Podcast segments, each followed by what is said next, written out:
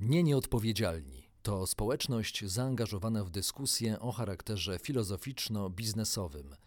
Naszym celem jest uwrażliwienie ludzi biznesu i nas, obywateli, użytkowników tego świata, na różne aspekty odpowiedzialności.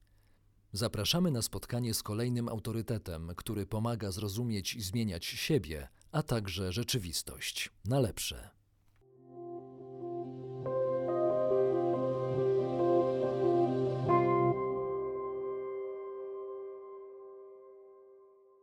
Dzień dobry Państwu.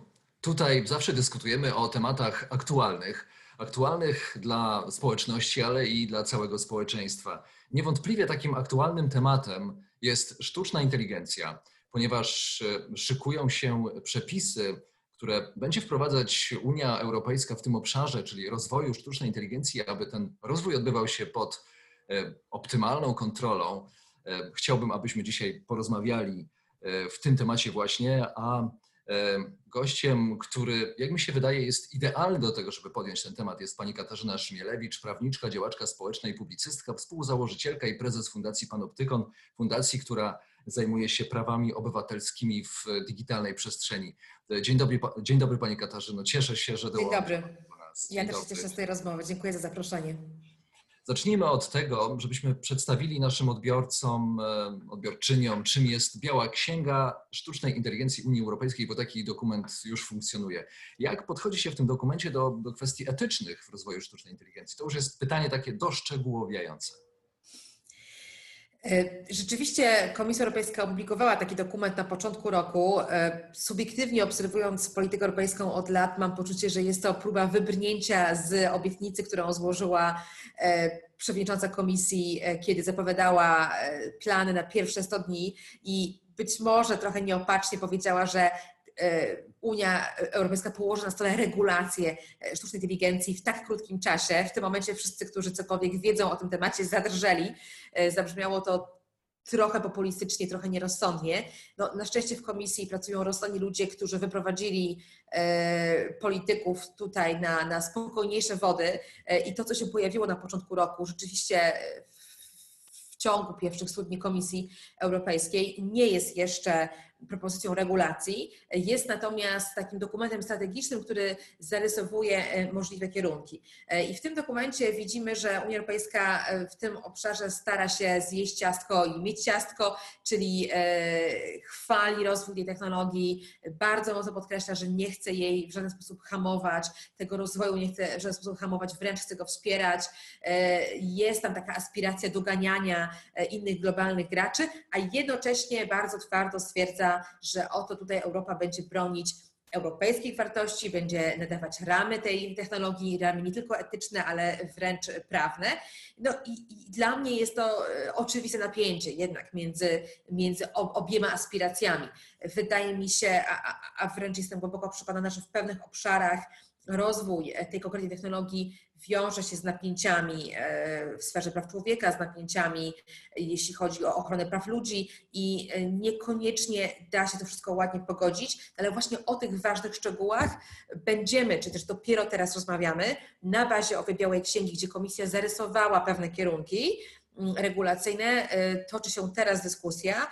Dopiero co zakończyły się oficjalne konsultacje społeczne, w których każdy mógł zabrać głos. Zabrało ten głos, myślę, wszystkie liczące się firmy i organizacje społeczne, które mają jakiekolwiek doświadczenie w temacie, a więc komisja dostała zalew y, tysięcy merytorycznych odpowiedzi i teraz y, eurokraci w zaciszu swoich gabinetów muszą to wszystko przetrawić, więc myślę, że gdzieś na przestrzeni kolejnego pół roku usłyszymy, jakie będą kolejne kroki. Jednocześnie wiemy też, że państwa narodowe, e, konkretne kraje e, Unii Europejskiej też pracują nad swoimi strategiami rozwoju, i regulacji e, AI e, i Komisja Europejska uwzględnia e, ten proces. Więc może też się okazać, że w pewnym sensie czeka, aż kraje, w tym Polska, opublikują swoje dokumenty programowe i dopiero potem będzie starała się to wszystko zebrać. A więc jest tutaj dużo polityki, dużo kompromisów i zarówno ukłonów wobec biznesu i pewnych ukłonów wobec suwerennych państw, jak tę niełatwą materię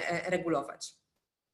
Pomyślałem teraz przewrotnie o tym, że mm, wracając do wątku praw człowieka, że Być może to prawa człowieka są przestarzałe, nie pasują do współczesności, która się zmienia i być może nawet mm, część społeczeństwa w ogóle nie przywiązuje do nich wagi, przynajmniej do, do tych praw człowieka, które w przestrzeni publicznej, znaczy digitalnej są już nadużywane przez, przez biznes. Chodzi mi dokładnie o, o po prostu o, o, nasze dane, tak? o nasze dane, o cały behawior, który po prostu oddajemy za darmo, nie wiedząc nawet co oddajemy i w jakich okolicznościach.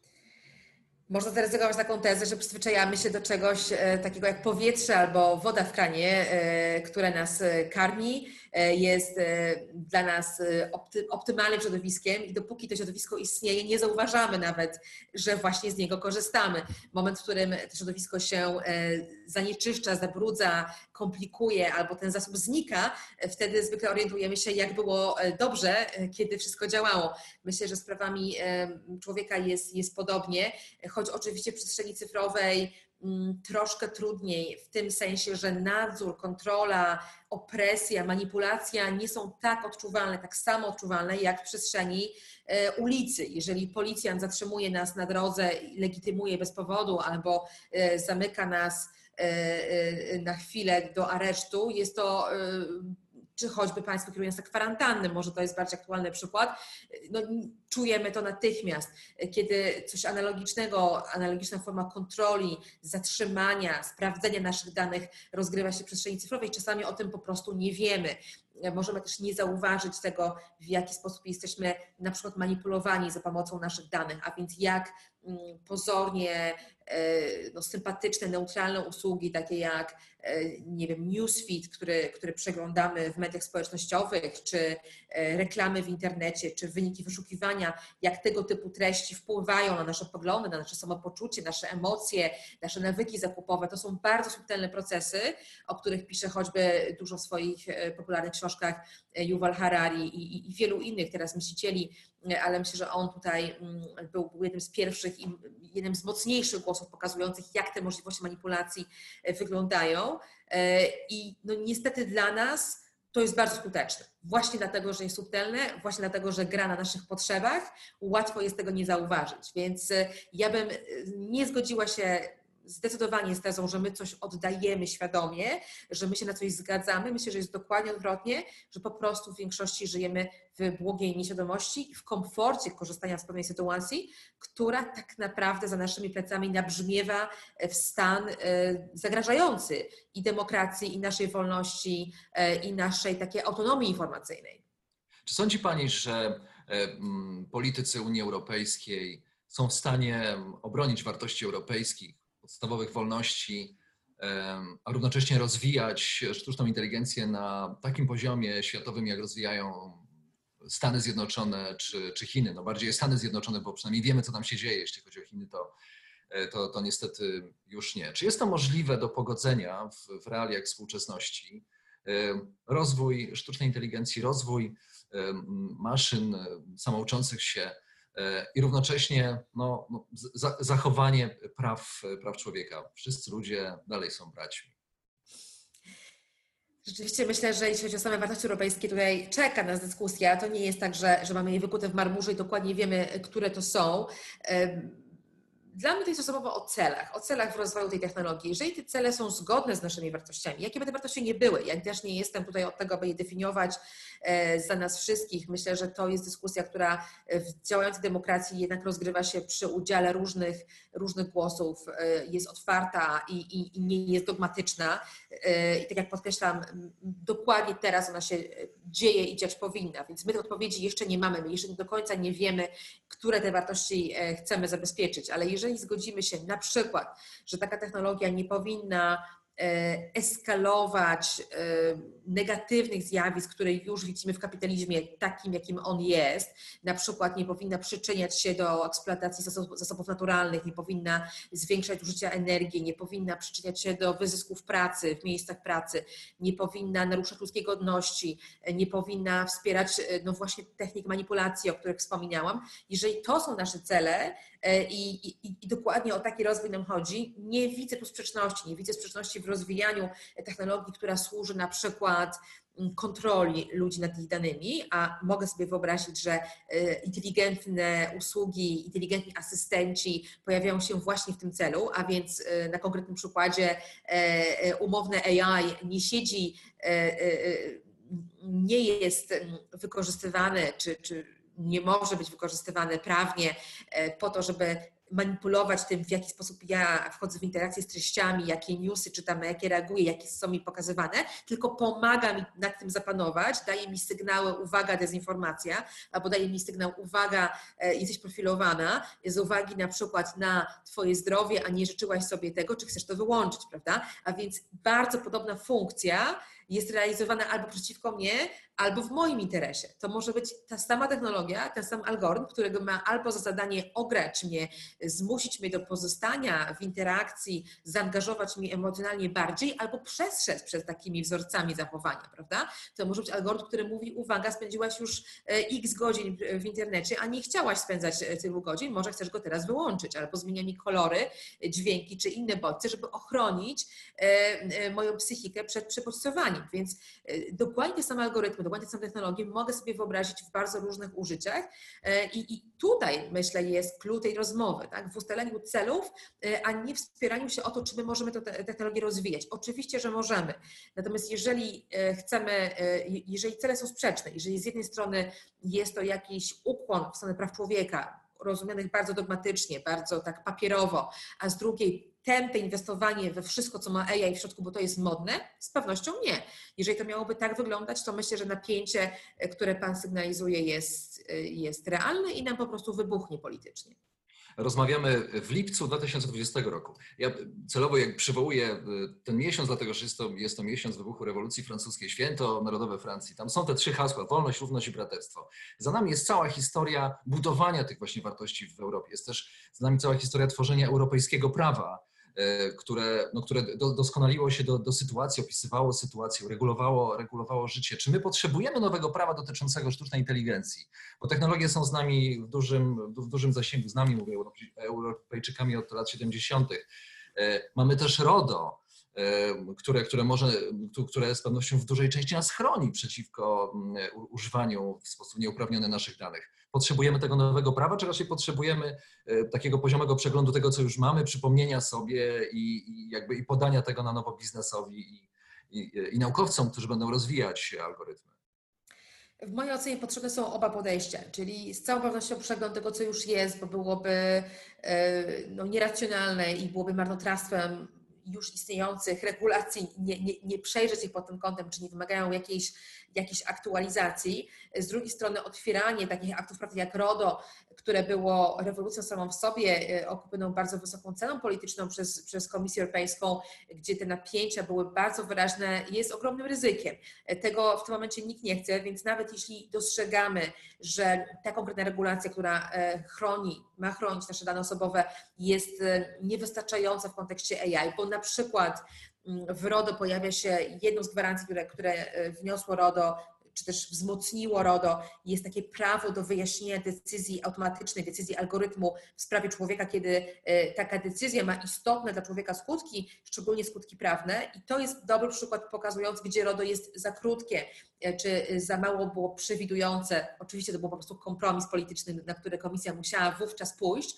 E, a teraz widzimy, że systemy, które są półautomatyczne, gdzie to AI wchodzi jako wsparcie dla człowieka, dla urzędnika, dla sędziego, dla lekarza i nadal jest to bardzo istotne, mm, istotny czynnik w podejmowaniu decyzji. W bankach najczęściej słyszymy, że owszem, jest tam jakiś człowiek, który ocenia naszą zdolność kredytową, ale tak naprawdę ten człowiek bardzo rzadko podważa wyniki scoringu, czy podważa wyniki tego, co mówi algorytm, I, a już taka decyzja nie będzie objęta regulacjami, e, gwarancjami wynikającymi z RODO. E, czy słyszymy coraz więcej o o tym, że AI uczy się na danych statystycznych oczywiście, na danych o populacji, a nie o mnie jako konkretnej osobie i może się zdarzyć, że w ogóle nie korzysta z moich danych, a nadal decyzja, którą wspiera taki, e, taki system AI wpływa na moje życie, e, prawda? Bo ktoś kto projektuje algorytm, ma wiedzę o wielu innych ludziach i tę wiedzę aplikuje do mnie. I co wtedy? Czy ja mogę się ochronić? Więc jest wiele wariacji tego, co mamy w RODO, które, których to wariacji samo RODO y, nie uregulowało,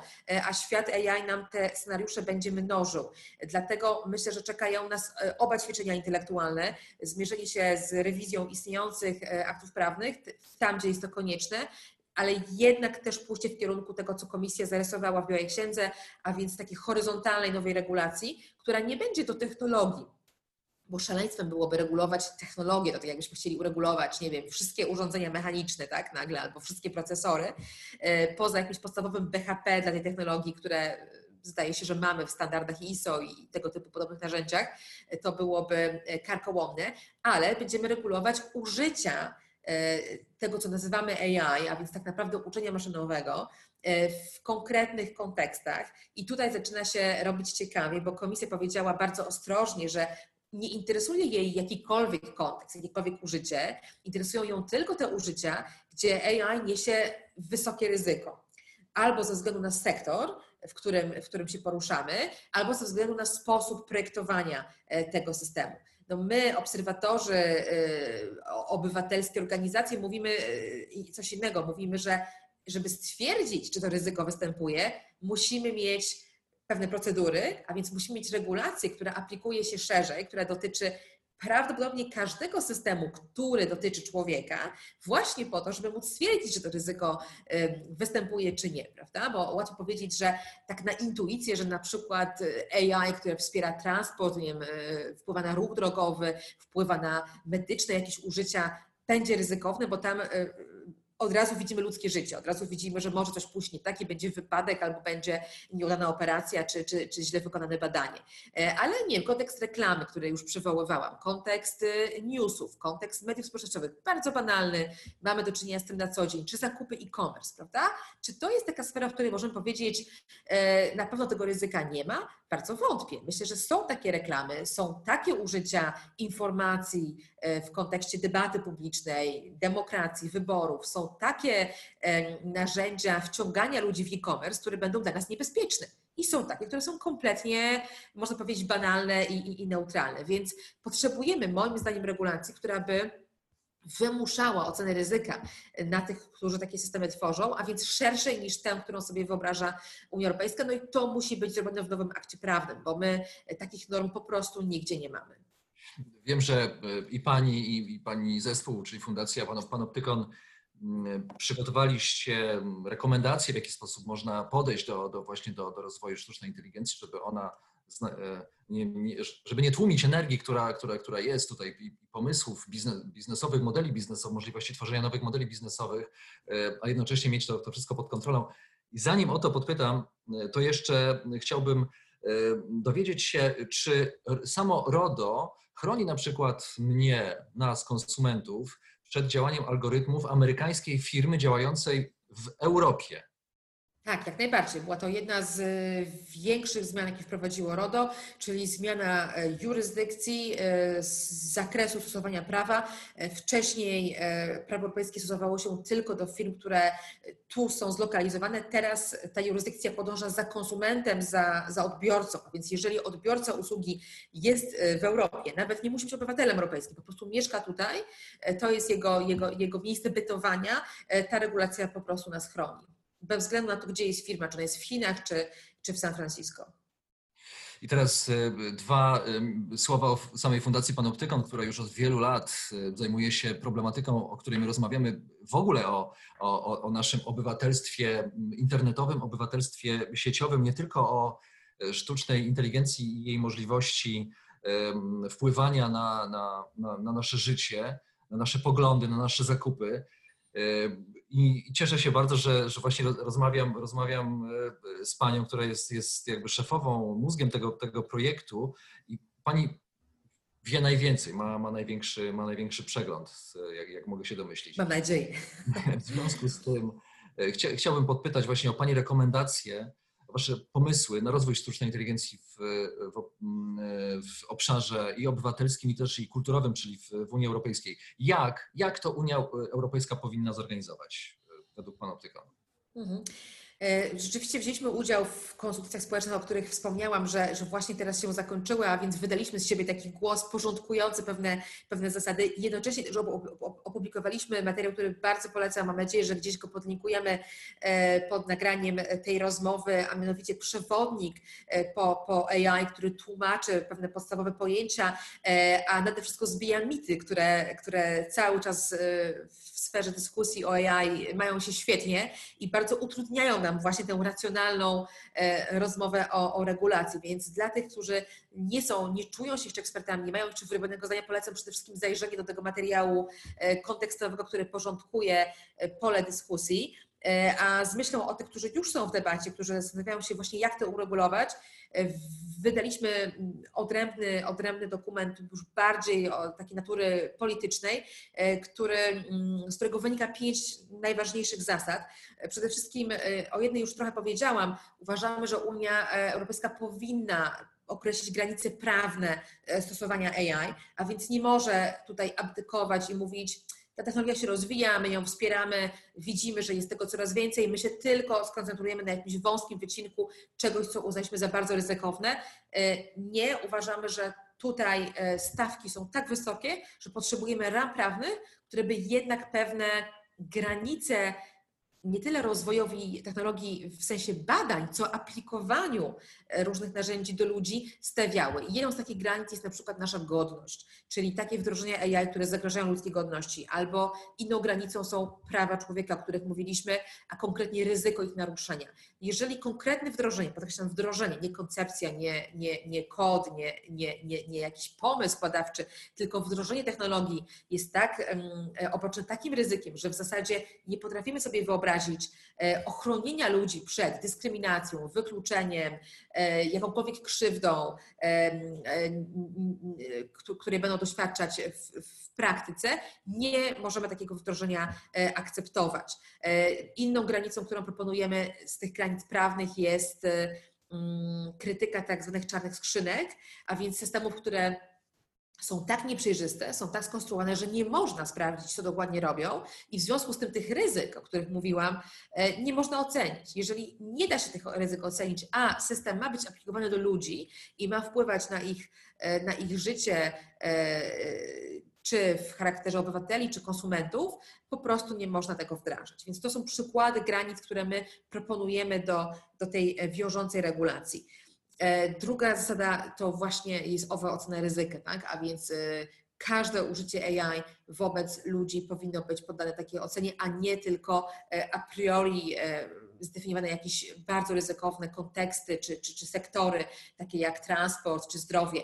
Musimy oceniać każde wykorzystanie AI, które dotyczy ludzi, podkreślam, bo są też takie, które nie dotyczą, bo nigdy nie wiemy, gdzie to ryzyko nam się przejawi, a więc sam proces oceny powinien być w zasadzie no, powszechny i wymagany prawnie. E, kolejna zasada, o której, o której piszemy, e, to niezależność kontroli. No nie może być tak, że tylko ten, kto ma interes we wdrożeniu systemu, ocenia, czy on jest ryzykowny, czy nie. Musi tam być też jakiś czynnik społeczny, musi być jakiś regulator. I tu mamy pomysł, którego szczegóły myślę, że nie ma sensu teraz wchodzić, ale ten pomysł zakłada różne wariacje. Jeśli chodzi o na przykład użycie AI w sferze publicznej, uważamy, że państwo powinno konsultować to z obywatelami, z ludźmi, których te systemy będą dotyczyły w praktyce. Jeśli chodzi o biznes, uważamy, że powinni, powinni zaistnieć certyfikowani audytorzy, to jest zresztą pomysł samej Komisji Europejskiej, którzy będą wspierać takie oceny ryzyka. No i wreszcie gdzieś tam jest ten regulator, który na koniec ocenia, czy nie doszło do, do, do jakichś przekłamań, czy system nie okazał się jednak w praktyce bardziej ryzykowne niż było na papierze i na przykład w związku z tym nie może nałożyć e, odpowiedniej kary.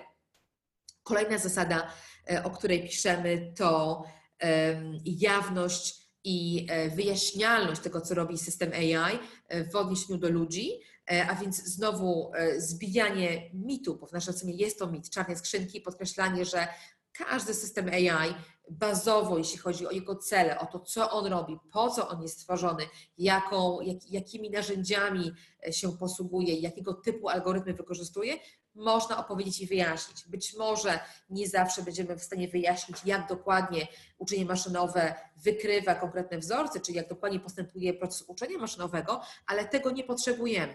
Te pytania, które my stawiamy, dotyczą raczej e, polityki, e, która stoi, pewnych pomysłów, e, które stoją za wdrożeniem systemu, a więc po co on jest tak naprawdę stosowany, co on ma osiągnąć, jakie koszty się mogą z tym wiązać, jakich grup ludzi to będzie dotyczyło, jakiego rodzaju mm, skutki dla konkretnych grup osób sobie tutaj wyobrażamy, prawda? Czy może być na przykład tak, że nasz system będzie ślepy na płeć, albo odwrotnie, będzie tę płeć traktować jako czynnik ważący i potraktuje inaczej kobiety i mężczyzn, albo w kontekście innych krajów ważne pytanie o rasę, czy będzie ślepy na kolor skóry, czy nie, czy potrafi zważyć różne konteksty, czy potrafi e, uczciwie niejako ocenić sytuację ludzi e, podobnych w jakimś aspekcie, a innych w innym aspekcie. I takie rzeczy my naprawdę mamy narzędzie, żeby je wyjaśniać i to jest ten poziom wyjaśnień systemów, które stosują się do ludzi, których my e, oczekujemy. To jest ta kolejna zasada, którą, którą w naszych dokumentach politycznych mm, promujemy. No i wreszcie uważamy, że powinien istnieć wyższy standard dla administracji publicznej, czyli nie, mam, nie mamy problemu z tym, że biznes inwestuje swoje pieniądze, swój zysk w, w, eksperymenty ryzykowne, nawet nie wiedząc, czy będzie z tego jakaś korzyść, mamy problem, jeżeli robi to państwo. Jeżeli państwo sięga po system oparty o AI, ponieważ ma jakiś polityczny problem, na przykład nie potrafi sobie poradzić z dystrybucją świadczeń społecznych uczciwą, albo nie potrafi poradzić sobie z zarządzaniem opieką medyczną, ma za mało pieniędzy na żłobki i w coś takiego wkłada AI, nie do końca wiedząc, jakie będą konsekwencje wprowadzenia takiego systemu, e, to jest to w naszej ocenie e, ryzykowne i e, to grozi marnotrawstwem środków publicznych, ale grozi też odwróceniem uwagi od faktycznego problemu, który może być zupełnie inny, który może być polityczny albo budżetowy i wcale nie musi wymagać użycia AI. Więc od państwa oczekujemy mm, zanim nawet ocena ryzyka się pojawi, takiej oceny sensowności projektu i wyjaśnienia publicznie ludziom, dlaczego my w ogóle idziemy w tym kierunku. Y, ostatnio trafiłem na informację, że wnioski w PFR-ze, y, y, które czekały na aprobatę i na przyznanie dofinansowania do, do, do projektów, takie dosyć ryzykowne, okazały się na tyle przekonujące dla komisji oceniającej, że, że jednak dofinansowanie dostało na przykład napój energetyzujący dla sportowców, czy E, czy, czy, czy, czy, podobne, czy podobne rzeczy jak nie wiem, no, zraszacz w szklarni. E, Ciekawe. Ciekawe, tak. Potrzebujemy więcej zraszaczy i więcej napojów energetycznych. Tak, tak. Zaintrygowało tak, mnie na przykład. Rozwój, rozwój oparty na, takie, na takich oczywistościach, no, no być może jeszcze, jeszcze wciąż jest nam, nam potrzebne, znaczy podtrzymywanie tego rozwoju i, i pewnie to można tak, tak wytłumaczyć. Ja się zastanawiam nad tym, że nawet mając, e, tak szerzej już podchodząc, nawet mając właśnie zaimpregnowane te postulaty, o których Pani powiedziała, w, do, do, prawa, czy, czy mamy szansę na to, żeby, żeby to po prostu działało? To znaczy, że, że, że rozwijając algorytm przez instytucję publiczną, na przykład będziemy pewni o tym, że, że efekt tego ma rzeczywistą wartość dla, dla społeczeństwa. Czy nie będzie to znowu poszukiwanie luk, jak można nagiąć i ewentualnie otrzymać dotacje? Z całą pewnością, jak w każdym procesie demokratycznym, z każdą regulacją prawną, jest tak, że to jest proces, to jest jakaś batalia, e, w której ścierają się różne interesy i różne interpretacje, więc e, tak, żadne prawo nie jest odporne z definicji na naginanie, omijanie e, czy, czy ryzykowne interpretacje. To również nie będzie. Dlatego my w Panoptykonie myślimy o mm, regulacji AI bardzo szeroko. Myślimy, że tutaj sami zaczynamy zresztą właśnie od publikacji przewodnika po tej, po tej dziedzinie, po to, żeby doinformowywać społeczeństwo i żeby coraz więcej osób mogło w tej dyskusji uczestniczyć. Więc tutaj nie mamy złudzeń, że samo napisanie lepszych przepisów nam cokolwiek z automatu e, załatwi czy, czy, czy polepszy. To musi iść w parze z edukacją konsumentów, użytkowników, mm, ludzi poddawanych tym systemom, którzy stają się z czasem wyczuleni, tak jak staliśmy się wyczuleni na, choćby na, na żywność, e, która nam szkodzi, prawda? I myślę, że wielu z nas sprawdza etykiety, które kiedyś było jakimś, jakąś abstrakcją, albo w ogóle kiedyś nie było. E, zastanawiamy się, czy to jest organiczne, czy to ma pestycydy, jakie to miało nawozy, e, co to ma w środku. I podobnie e, myślę będzie z AI. Jeżeli zaczniemy się edukować w tym temacie, jeżeli wejdzie w to edukacja i publiczna, i taka nieformalna, również realizowana przez biznes, co wydaje mi się szalenie ważne, żeby biznes również wszedł w, świadomie z taką misją uświadamiania, edukowania swoich odbiorców, e, czy w formie etykiet, czy w formie dobrych polityk prywatności, czy w formie jakichś, jakichś ulotek informacyjnych. To wszystko da się wymyśleć. My też w tym roku będziemy sporo nad tym mm, w Panoptykonie główkować, jak takie sposoby komunikacji e, lepiej projektować, właśnie po to, żeby coraz więcej osób świadomie w tej dyskusji uczestniczyło. I wtedy, jeżeli będzie taka jeżeli będziemy operować w środowisku o wiele lepiej doinformowanym, myślę, że też trudniej będzie sprytnym prawnikom czy sprytnym lobbystom naginać e, reguły prawa pod partykularne interesy e, jakichś firm. Z drugiej strony oczywiście nie można nie wspomnieć o, o regulatorze. Każde prawo e, ma jest tylko tak dobre, jak dobra jest jego egzekucja.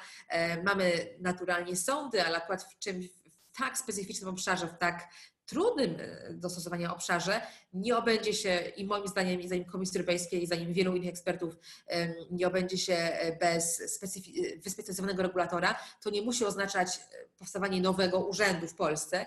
To może oznaczać tyle, że WOKIK albo Urząd Ochrony Danych Osobowych dostaje konkretne nowe zadania, a jednocześnie jest jakaś struktura, która koordynuje działania tych krajowych organów na poziomie europejskim, zbiera problemy od nich, zbiera obserwacje, wydaje wytyczne, no tutaj wchodzimy w naprawdę e, wymagający obszar, e, ale tak samo było kiedyś z samochodami, tak samo było z samolotami, tak samo jest z bezpieczeństwem produktów, o którym już wspomniałam. Wszędzie tam my tę drogę przechodziliśmy od e, pewnego zaskoczenia, że oto jest ta technologia i zaczyna nam zagrażać, do różnych prób standaryzacji, regulacji, wdrażania. Przy czym różnica jest chyba taka, jak mówi Elon, E, Musk e, komentujący te tematy od lat, że e, przy samochodach mogliśmy poświęcić 15 lat na dyskusję o tym, czy pasy bezpieczeństwa są potrzebne, czy nie, mimo że były badania potwierdzające różnice w przeżywalności pasażerów. W przypadku AI nie mamy tego czasu. Jeżeli poczekamy 15 lat, będzie, mówiąc kolokwialnie, pozawiatane. Więc myślę, że tutaj taka presja i opinii publicznej, i nawet biznesu, który chce mieć pewność co do prawa, na Unię Europejską, żeby jednak tę regulację w ciągu paru lat wydać i zacząć egzekwować, jest słuszna i bardzo duża. I wreszcie dopytam o jeszcze jedną rzecz, to znaczy, czy rozwój sztucznej inteligencji i konieczność y, uregulowania i przeglądu tego, co do tej pory mamy w, w domenie prawa, E, wymusza ciśnienie w ogóle na, na całe prawo. To znaczy, wyobraźmy sobie sytuację, że jakiś algorytm działający w sferze bankowej e, ryzykuje poprzez instrumenty finansowe, no takie, takie dosyć mało etyczne, załóżmy zdewaluowanie jakiejś waluty jakiegoś kraju po to, żeby e, właściciel tego algorytmu zarobił. Sprawa się okazuje, mm, wychodzi na jaw, do, dociera do opinii publicznej. Teraz trzeba to rozsądzić, tak? Kto jest za, za to odpowiedzialny na przykład? I tu wracam właśnie do pytania, to znaczy, czy rozwój sztucznej inteligencji powoduje, e, że powinniśmy też e, zmieniać po prostu kodeks, e, kodeks karny czy kodeks cywilny? Nie sądzę. W tym przykładzie e, myślę, że mamy do czynienia z nowym narzędziem, ale starym problemem. Jeżeli z użyciem AI dochodzi do oszustwa, manipulacji wyborczej, e, kradzieży, rzeczy, które mamy opisane w prawie, nie potrzebujemy nowych norm dotyczących samego czynu zakazanego, bo, bo, to mamy. Potrzebujemy raczej wiedzy e, wśród sędziów, policji, egzekwujących prawo, jak sobie poradzić z nowymi narzędziami. Rzeczywiście przykład z, z, z algorytmem używanym do spekulacji finansowej jest, jest, jest, jest dobry, jest mocny. Niektórzy pewnie z Państwa pamiętają e, tak zwany flash crash, czyli taką spektakularną, spektakularną e, spadek na giełdzie nowojorskiej sprzed już chyba, nie wiem, czy nie 10, może trochę krócej e, lat, kiedy właśnie winny prawdopodobnie był, był algorytm, ale nie było wiadomo, do, do dzisiaj nie wiadomo, czy było to też świadome działanie człowieka, który tym algorytmem manipulował. Była taka osoba podejrzewana o to, czy był to po prostu błąd. E, błąd ludzi, którzy nie zorientowali się, że dwa algorytmy zepną się, e, wejdą w interakcję w sposób, który, który nie był zaplanowany i spowodują po prostu krach na giełdzie i wyparowanie e, miliardów dolarów. Więc tutaj na pewno śledztwa będą trudniejsze, na pewno potrzebujemy o wiele więcej wiedzy eksperckiej i wracam do jednej z naszych zasad, potrzebujemy tej wyjaśnialności. Jeżeli systemy, które mogą dotyczyć ludzi, mogą dotyczyć społeczeństw, mogą dotyczyć dużych pieniędzy i powodować e, ogromne szkody, nie będą projektowane w sposób przejrzysty, a mogą być i tutaj eksperci, e, których opracowania ja czytam, zgadzają się, że nie ma napięcia między skutecznością e, czy, czy jakością AI, a i wyjaśnionością, możemy rozwijać badawczo systemy, które są zarówno bardzo dobre, bardzo innowacyjne i przejrzyste. Po prostu jest to kwestia obstawienia takiego właśnie celu i konsekwentnego trzymania się takiego celu. E, jeżeli tak będziemy je projektować, mamy o wiele większą szansę w sytuacji, którą Pan opisał, dojść do tego, czy, czy, czy to było działanie celowe, e, czy to był przypadek, czy to był błąd człowieka, czy błąd algorytmu. Bardzo dziękuję za rozmowę. Pani Katarzyna Szmielewicz, założycielka y, i szefowa Fundacji Panoptykon. Mieliśmy też niespodziewanego gościa w trakcie y, tej, tej rozmowy. Nie wiem, czy pani zauważyła. Tak, zauważyłam, że ktoś zabierał się, tak. swój komputer. Dobrze, praca w re. Właśnie, właśnie proszę pozdrowić, więc... więc Pozdrawiam zespół, dziękuję za to, że, że pomaga nam Pan ten temat nagłaśniać, wyjaśniać i myślę, że będziemy jeszcze mieli wiele okazji politycznych do tego, żeby, żeby o tym w Polsce i nie tylko dyskutować, więc e, zapraszam też na stronę panoptykon.org, gdzie w zasadzie cały czas coś nowego się pojawia, również w tym temacie, ale niezmiennie polecam nasz przewodnik, bo myślę, że jest świetnym punktem startowym do, do głębszej dyskusji.